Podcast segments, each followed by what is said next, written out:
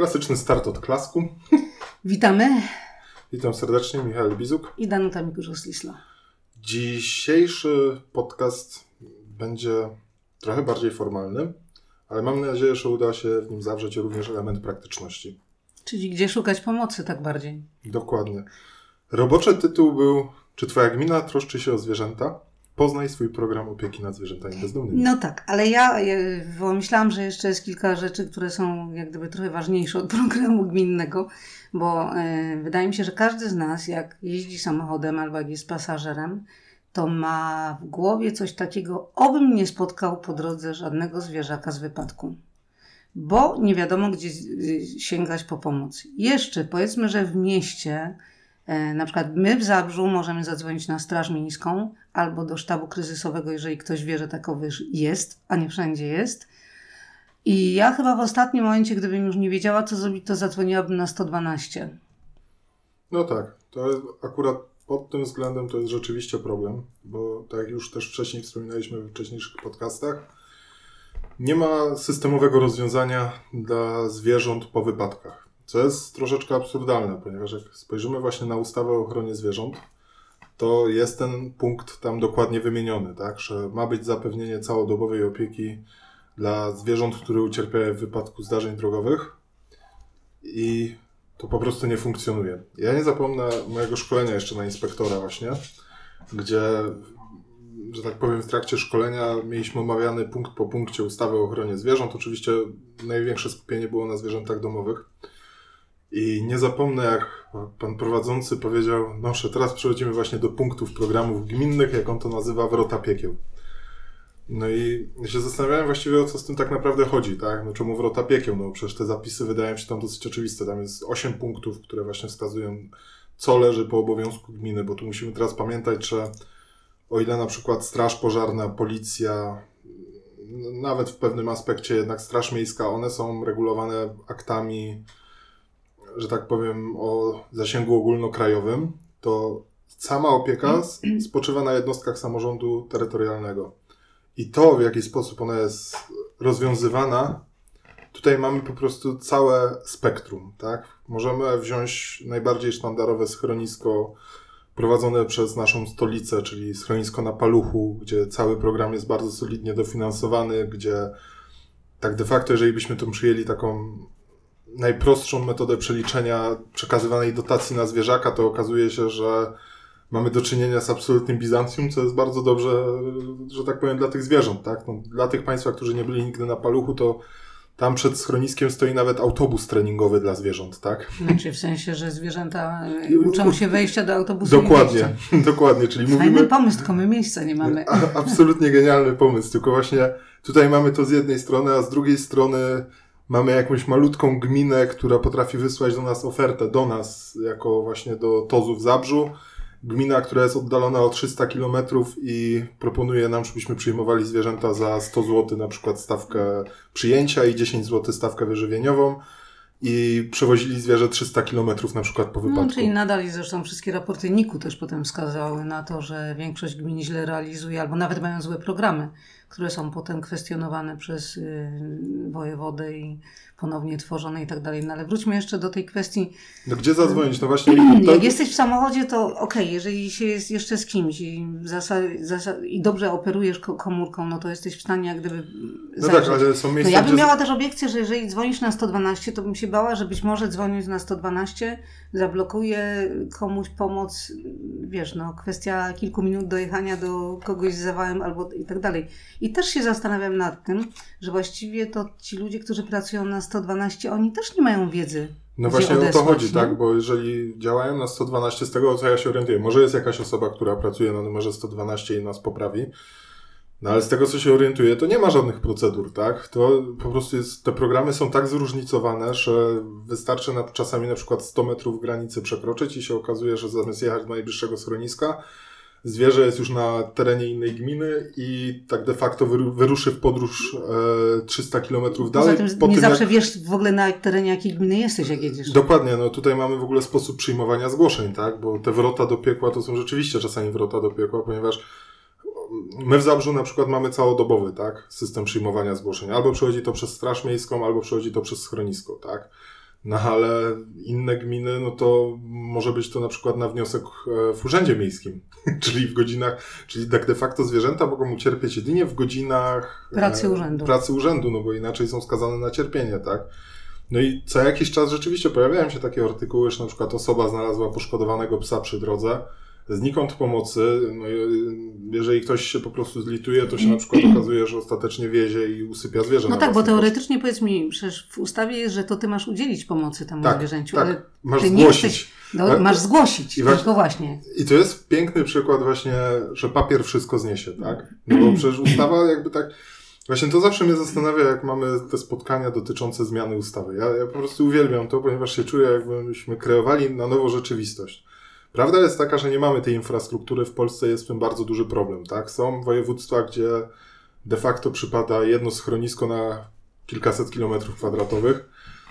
A na Śląsku z kolei masz w każdym miejscu. Zagęszczenie. No i u nas mieście schronisko. I my mamy ten komfort, że nie musimy się aż tak, że tak powiem, martwić tym, tak? Ale no, no właśnie i jak widzę te prace nad zmianami prawa, to ja po prostu się czuję naprawdę jak w sklepach cynamonowych. Ale tak? to niebezpieczny, to niebezpieczny grunt, także może nie idźmy znaczy, w tym kierunku, tylko powiedz znaczy, mi, ja okay, ale jeszcze Ja nie mieście... krytykuję wszelkich zmian, tylko chodzi no. mi o to, że mamy zapisy, które teraz, pomimo tego, że są zawarte w ustawie, one tak naprawdę nie są realizowane. Są realizowane w skrajnie takiej formalnej podstawie prawnej, czyli Gmina ma obowiązek zapewnienia opieki, więc gmina zapewnia opiekę w stopniu minimalnym. I często to może nawet nie być wina gminy, bo. Mniej niż minimalnym czasem. Gmina ma za zadanie wyznaczyć całodobową opiekę, ale może po prostu fizycznie nawet nie mieć weterynarza na swoim rejonie, który by zapewnił tą całodobową opiekę. Przecież my też wiemy w Zabrzu, że po prostu nie mamy dużo lecznic, no, wiesz, które my, my zapewniają też, Tak, ale my od, od, wielu lat y, w sumie mamy to uregulowane, bo y, między innymi taka była też nasza walka.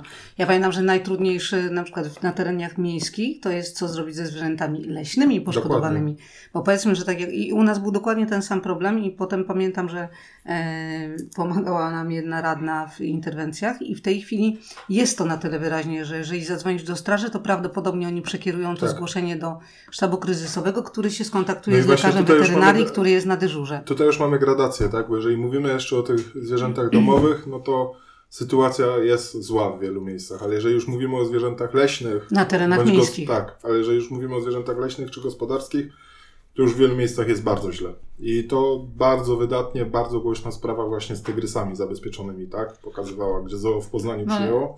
No tak, to się okazało. No ja wiem, tylko to jest troszkę to jest tak, inny, inny typ. To Oczywiście, nie że dzwonisz tak. normalnie, że tygrys leci, leży na Oczywiście, że tak, tylko z drugiej strony pokazało to, że nawet w skali kraju mamy problem, tak? Żeby zająć się zwierzęciem egzotycznym. Ja mówię, to jest tak. No właśnie, a czytałeś o tym, przypadek... że ma być coś dotyczący żółwi? E, tak, to. I, że gminy, samorządy będą musiały mieć patrole. E, tak, to, to jest, jest w trakcie ca pracy w tej Cały chwili, projekt wyłapywania endemicznych gatunków, właśnie, które stanowią zagrożenie dla naszej. Jak my sobie nie radzimy z naszymi normalnymi. No właśnie, i gdzie tutaj te psy i koty? Bo jeszcze właśnie też przy psach i kotach można zrobić gradację, bo szybciej otrzymamy pomoc tak naprawdę do rannego psa niż do rannego kota, bo przy kotach to już w ogóle niektóre gminy wciąż potrafią sukcesywnie, do dzisiaj nie umiem tego zrozumieć, jak dostajemy te oferty, to ja nie wiem, kto wpadł na ten pomysł i na jakiej zasadzie to jest, ale czemu przykładowo pies ma kosztować 100 zł, a kot ma kosztować 50 zł? Bo całe nasze doświadczenie pokazuje, że jeżeli mówimy o zwierzętach droższych w utrzymaniu w schronisku... To są to koty. Są to, to koty. Są to koty. Ja mam wrażenie, że tu jest jakaś taka przykładnia, no, że ono mniej je, że jest mniejsze, czy właściwie o co tak naprawdę chodzi. No, ale to, to, dla mnie to jest właśnie niesamowite, no bo mamy XXI wiek. Wydaje się, że mimo wszystko każdy z nas ma e, jednak ten telefon komórkowy. Porozumiewanie się ze światem no jest, jest, jak nigdy ułatwione. Jest ułatwione jak nigdy, a po prostu gdy widzimy te zwierzę na poboczu, to tak jakbyśmy się cofali do początków XX ale wieku. Ale wiesz co, ale wydaje mi się, że tu jest coś takiego, że e, jeżeli już gdzieś mieszkamy, bo mieszkamy, mam nadzieję, że słuchają nas Państwo z różnych miejsc, to ja bym już profilaktycznie spojrzała sobie na stronę swojego urzędu gminy albo stronę swojego urzędu miejskiego i zobaczyła, a jak nie, to napisała do tego urzędu, co masz zrobić w wypadku spotkania rannego psa, rannego kota, czy na przykład rannego zwierzaka leśnego. I tutaj też I to właśnie... bym już właśnie, i zaczęłabym jak gdyby, tak. gdybym była świadomym obywatelem, który się boi. Powiem szczerze, że nawet gdzieś mi się marzył taki projekt, żeby po prostu... Jest taki projekt jak na przykład monitor schronisk, tak, od lat realizowany. Jest właśnie, e, BOS to robi, I w każdym razie marzyłby mi się, żeby na przykład na Google Maps zrobić taką nakładkę, gdzie można za pomocą geolokalizacji, czyli właśnie tego naszego telefonu, który jest też świetnym narzędziem szpiegowskim, e, żeby na przykład mieć taką aplikację, gdzie włączamy nasz telefon i nam się wyświetla informacja, gdzie my mamy zadzwonić. Naprawdę byłoby to genialne. Wiem, że nawet Ministerstwo Rolnictwa podejmowało kroki w tym kierunku, bo braliśmy udział w konsultacjach właśnie jak tutaj przedstawiciele schroniska w Zabrzu. I od tego czasu nie słyszałem o tym temacie, ale Mm. mam nadzieję, że on wróci, bo to by naprawdę było coś, bo rozumiem, że utworzenie między, e, ogólnopolskiej linii na rzecz pomocy dla zwierząt Czyli takie 112 dla zwierząt. To, To jest, to jest trudne. To jest, to jest mrzonka to jest, na ten to jest moment, mrzonka tak, na ponieważ jeżeli nie mamy centralnego systemu opieki, który też obawiam by się, jakby mógł czasami wyglądać, no to tak naprawdę no, jedyne takie wyjście to by była właśnie taka aplikacja, która by pobierała, przecież to są informacje powszechnie dostępne, tak? Mamy biuletyn informacji publicznej, Obowiązkiem gminy jest co roku publikowanie uchwały. To też Państwo muszą wiedzieć, nawet jeżeli wystosują Państwo zapytanie do gminy, to gmina nie może odpowiedzieć, ale ma obowiązek odpowiedzieć tak naprawdę, bo to jest informacja dostępna publicznie. Informacja też powinna być zamieszczona właśnie na biuletynie informacji publicznej, do czego każdy Jako program opieki nad program opieki nad bezdomnymi Dokładnie. gminie. I każda gmina jest do tego zobowiązana, żeby rokrocznie podejmować taką uchwałę.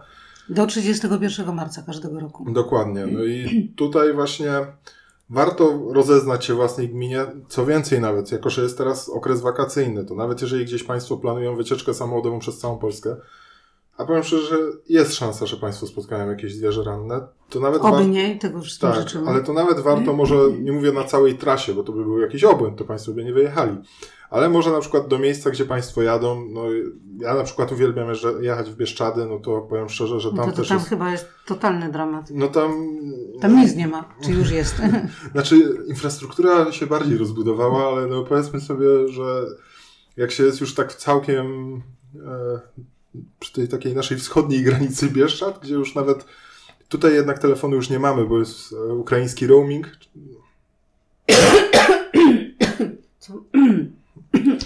Jest ukraiński roaming, więc koszty są zdecydowanie duże, jakbyśmy zadzwonili. Tam chyba SMS kosztuje złotówkę, ale w każdym razie warto jednak się rozeznać. To jest naprawdę informacja dostępna publicznie. E, Jak Państwo, jeżeli Państwo sobie zadali ten trud, ponieważ my już to robiliśmy, bo mamy jakiś taki rys w sobie, e, każdy BIP wygląda inaczej. Niektóre strony wyglądają jakby się zatrzymały w latach. Czasem trzeba mieć dużo cierpliwości, żeby w ogóle zrozumieć o co chodzi na stronie albo czym się kieruje logika danej strony. No, ale Dokładnie. można przez to przebrnąć. Ale też jest właśnie cały wysiłek też niektórych organizacji, które na przykład e, namiętnie co roku komentują wszystkie programy opieki. No tutaj mamy też, jest taki, że tak powiem, wymóg ustawowy, kolejny ładny przykład, jak ustawa działa, że organizacje pozarządowe mają komentować program opieki, Mają opiniować. mają opiniować. Wręcz opiniować, tylko że nikt potem tych opinii Tylko- nie czyta i nie bierze pod uwagę. Właśnie ustawodawca nie przewidział, że ta opinia w żaden sposób nie jest wiążąca. Mamy do czynienia z jednym z najpiękniejszych przykładów formalnego wypełniania wymogu przez gminę, Tak. ponieważ okazuje się, że nawet tak daleko poszła ta interpretacja, że obowiązek opiniowania jest spełniony w momencie, gdy gmina wyśle zapytanie do organizacji, a organizacja I ma nawet- potwierdzenie wysłania. Tak, ma potwierdzenie wysłania, organizacja już nie musi opiniować, bo brak opinii też jest opinią. Ale wracając jeszcze do, do takich mm, praktycznych wskazówek, to oprócz tego, że jeżeli Państwo dzwonicie na 112, to nie można raczej tego wymagać, to jeżeli dzwonicie na konkretną straż miejską, straż gminną, na konkretny posterunek policji, do konkretnego urzędu, to zawsze proście o, po- o podanie nazwiska urzędnika, z którym rozmawiacie. No Bądź dyżurnego. Bo, to, to, dyżurnego. Dlatego, że to jak gdyby już y, wyzwala tej osobie, która odbiera ten telefon, że po pierwsze możecie to Państwo kiedyś zechcieć sprawdzić, poza tym jak gdyby personalizuje to, e, te konkretne, to konkretne zgłoszenie, bo te służby, tak jak, tak jak, tak jak y, mówiłeś, one są zobowiązane do pomocy w takich wypadkach, a często i w wielu rejonach Polski jest to ciągle lekceważone. Nie powinno być lekceważone. To tak, jeżeli my zgłaszamy to, o czym tu wielokrotnie mówiliśmy e, w podcastach dotyczących inspektoratu, że policja i straż są zobowiązani do reakcji, jeżeli e, jest jakieś e, nawet zgłoszenie przestępstwa dotyczącego znęcania się nad zwierzętami, tak tutaj tak samo muszą Państwo uzyskać konkretną odpowiedź. Jeżeli nie, to prosicie Państwo, proszę mi podać swoje nazwisko i proszę do mnie zadzwonić, albo zadzwonię za 10 minut i zapytam się, co mi pan może poradzić. Czy Znaczy, pani? tu właśnie też musimy pamiętać o tym, no, że e, jeżeli jesteśmy gdzieś przejazdem, to większą szansę na znalezienie pomocy ma osoba lokalna, tak? Więc jeżeli nawet się Państwo odezwą w mieście do strażnika miejskiego, tak, czy gdzieś do policji później w terenie, no to powiem szczerze, że oni mają większą szansę na znalezienie po prostu tej pomocy dla tego zwierzaka, nawet jeżeli ta sprawa jest nietypowa, niż państwo, tak? No to, co ja bym jeszcze tutaj polecał z takich kwestii praktycznych, no to też jak jesteśmy w trasie, czy nie jesteśmy w ogóle poza naszym rejonem, to może być problem na przykład z opisaniem miejsca, gdzie właściwie jest to zwierzę, tak? Czyli tutaj znowu warto jednak na przykład użyć telefonu, I tą geolokalizację. geolokalizację. tak? Czyli- Można taką pineskę wyznaczyć. Udostępnij miejsce, tak? To Tak, udostępnij miejsce, można właśnie geolokalizację wyznaczyć. No też trzeba pamiętać, że w przypadku właśnie takich zwierząt, które ucierpiały w wypadku, one też mm, musimy pamiętać, że zwierzę e,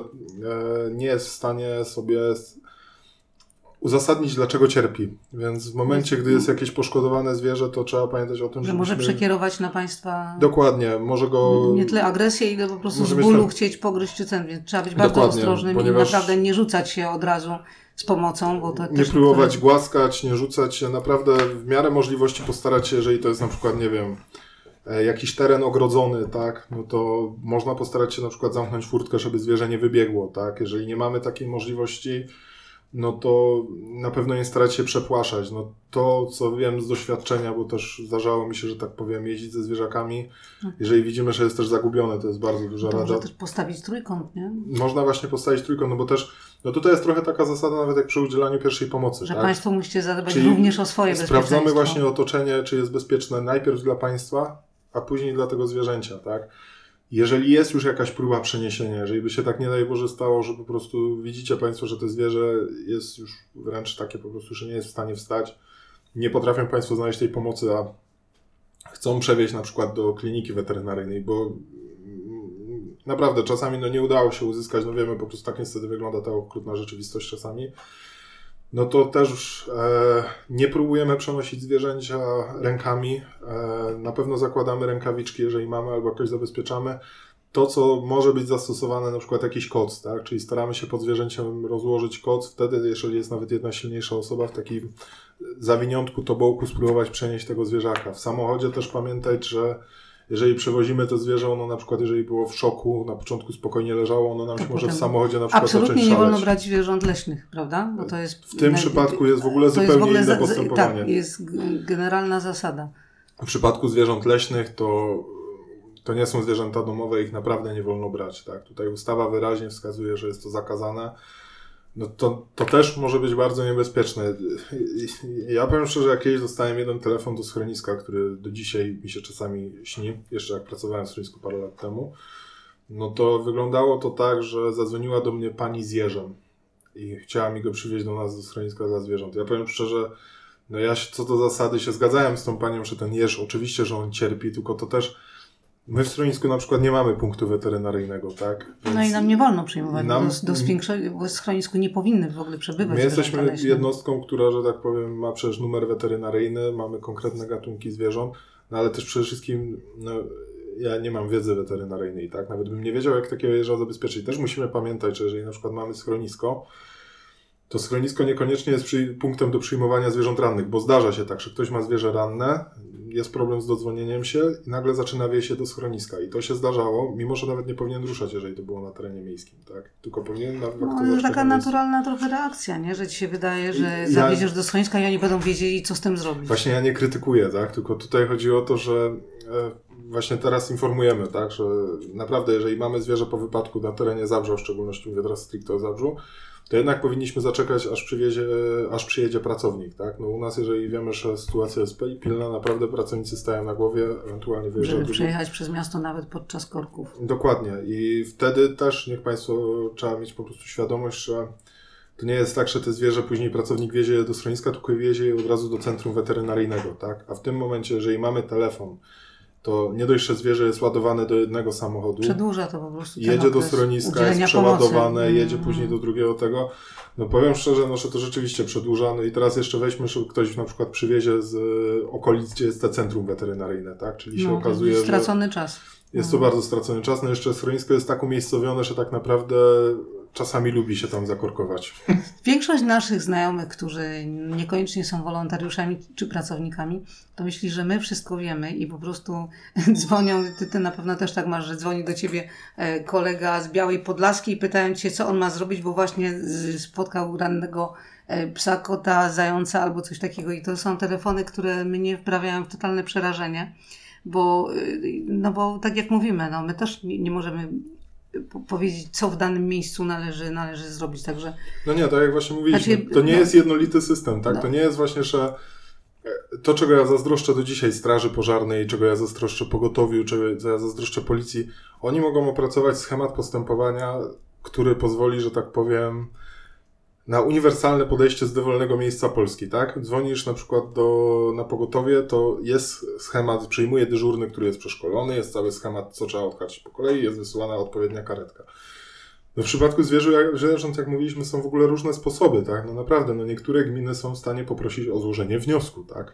Więc tutaj... Udzielenia pomocy, bo wszyscy, znaczy większość gmin się boi kosztów. To tak, no w zasadzie, tutaj... jeżeli nie spotkasz empatycznego urzędnika, który myśli o o tym, żeby, żeby ktoś coś nie cierpiało, e, to, no to, no to faktycznie można się spotkać. No, myślę, że daliśmy Państwu kilka takich wskazówek, które jak gdyby wynikają z naszego doświadczenia. No niestety nie jest to taka Biblia, którą możemy napisać i napisać 10 wskazówek, robimy to, to, to i to, aczkolwiek zapewniamy, że ciągle w tym kierunku pracujemy i ciągle staramy się znaleźć rozwiązanie. Ja właśnie mam przyjaciela, który pracuje na 112 i który do mnie dzwonił kilka razy i ja mu właśnie też udzielałam takich odpowiedzi, że może powiedzieć tej osobie, żeby dzwoniła do straży i tak dalej, i tak dalej. Także e, z tego wynika, że nie mają, tak jak powiedziałeś, że nie mają opracowanego, opracowanej procedury, ale myślę, że i tak już jest lepiej, ponieważ no, no co roku jest jak gdyby większa świadomość, gdzie szukać pomocy. Znaczy, no ale, też, ale jeszcze daleka droga przed nami. No też nie ukrywajmy, że mimo wszystko no, nie możemy też cały czas narzekać, tak? No tak jak my mhm. widzimy po prostu, no niedawno minęły 22 lata od kiedy prowadzimy Psitula, no to tutaj pani prezes będzie najlepiej pewnie wiedziała, jak długą mm. drogę w ogóle w samym Nie, no ja widzę, ja widzę, bo ja pamiętam swoje rozpaczliwe telefony, co zrobić, jak była ranna sarna i nikt nie chciał przyjechać, także mimo wszystko tam, gdzie działa ten program opieki, gdzie jest wskazane że, że jest jeden lekarz na, na, na dyżurze i tak dalej, to to jest, to to jest no, już pewne rozwiązanie. Właśnie tutaj mnie tak zastanawia taka kwestia, bo to też jest często pomijane, bo tak jak przy inspektoracie już wspominaliśmy, o czym zresztą mówiliśmy, że bardzo fajnie się to mówi z perspektywy osób, które zjadły zęby, no bo to jest trochę tak, że jak ten program opieki nie działa, to później może być na przykład jakiś lokalny oddział TOZU w danej miejscowości, bo towarzystwo ma tak 83 jednostki terenowe, no i też mam wrażenie, że to później jest trochę takie zjadanie własnego ogona, bo ludzie często nie wiedzą o programach opieki i dzwonią po prostu do oddziału towarzystwa, który na przykład w żaden sposób nie jest finansowany przez gminę, nie realizuje żadnych zadań. I myślą, że mamy sanitarkę, która natychmiast tak, pojedzie że... i, przyzwy, i będzie sztab specjalistów, którzy będą mogli udzielić pomocy. Jeszcze po prostu, i to, to też jest takie troszkę pomieszczenie, bo mi się wydaje, że taką rolą właśnie każdej organizacji prozwierzęcej, która działa lokalnie, tak, na poziomie gminnym, no to jest jednak to, co udało nam się tutaj w Zabrzu osiągnąć, tak? Czyli właśnie takie nie ma możliwości stworzenia dobrego programu opieki bez współpracy z samorządem, tak? No nam na szczęście ta współpraca układa się wręcz uważam, patrząc na wiele miejsc w Polsce, wzorcowo. I mhm. tutaj to mogę powiedzieć naprawdę z ręką na sercu, tak? No ale właśnie to też był proces, tak? No tak, właśnie to tak, jest wieloletni proces, jest, prawda? I to tutaj też właśnie wymagało tego, że no z jednej strony my jako organizacja chcielibyśmy oczywiście całego dobra dla zwierząt, ale też musimy zrozumieć, że niekoniecznie jest to, że tak powiem, fundament dla każdego no innego. I, nie, i, I, też jest jednak jakaś droga kompromisu, tak? No nam na szczęście udało się... I że nie może wszystkiego załatwić organizacja społeczna, o czym też wielokrotnie rozmawialiśmy. Tak, dokładnie. No i to jest właśnie uważam bardzo ważne, tak? Że jak Państwo na przykład macie w swojej tam lokalnej społeczności jakąś organizację prozwierzęcą, no to oprócz takiej doraźnej pomocy przez taką organizację, właśnie bardzo ważny jest też ten taki element trochę tworzenia tej polityki lokalnej, tak? Czyli jednak mimo wszystko opiniowania tego programu, ale też postarania się, żeby ta opinia była wysłuchana, a żeby była wysłuchana, ona musi być jednak racjonalna. Tak, tak że jednak też nie żądamy rzeczy niemożliwych, tylko że pod, potrzebujemy rozwiązania praktyczne, tak. E, no, jeżeli, ale takie, które są w ogóle możliwe do realizacji. Jeżeli mamy na przykład gminę, która ma niewielki budżet, ma tysiąca mieszkańców, no to jeżeli organizacja wyjdzie z postulatem zbudowania schroniska, no to może się to spotkać e, po prostu Z dużą krytyką. Z dużą krytyką. Jeżeli mamy właśnie e, na przykład parę gmin obok siebie, też można się postarać o zawiązanie współpracy międzygminnej, tak? Czyli... I powstają takie schroniska i one są naprawdę bardzo dobrym rozwiązaniem, bo wszyscy w tym uczestniczą, uczestniczą, uczestniczą zarówno w inwestycji, jak i potem w podziale kosztów. E, te schronisko jest na tyle dobrze zlokalizowane, że ze wszystkich gmin można do tego schroniska dojechać i jest to po prostu super rozwiązanie. Tak, właśnie. No to... I to się bardzo sprawdza, bo to w wielu miejscach się już y, dzieje od wielu lat i to się naprawdę sprawdza. No bo to w tym momencie mamy takie. No, właśnie to jest troszeczkę to, że samorządy mają rozwiązywać te zadanie i jakby tak niektóre samorządy zostawić samodzielnie, no to one po prostu nie dadzą rady, tak? Więc też już słyszałem o takich próbach zmiany prawa, żeby przerzucić to na powiat tylko z drugiej strony, co z miejscami, gdzie już na przykład gmina samemu rozwiązała, a teraz by miała przejść no. na rozwiązanie.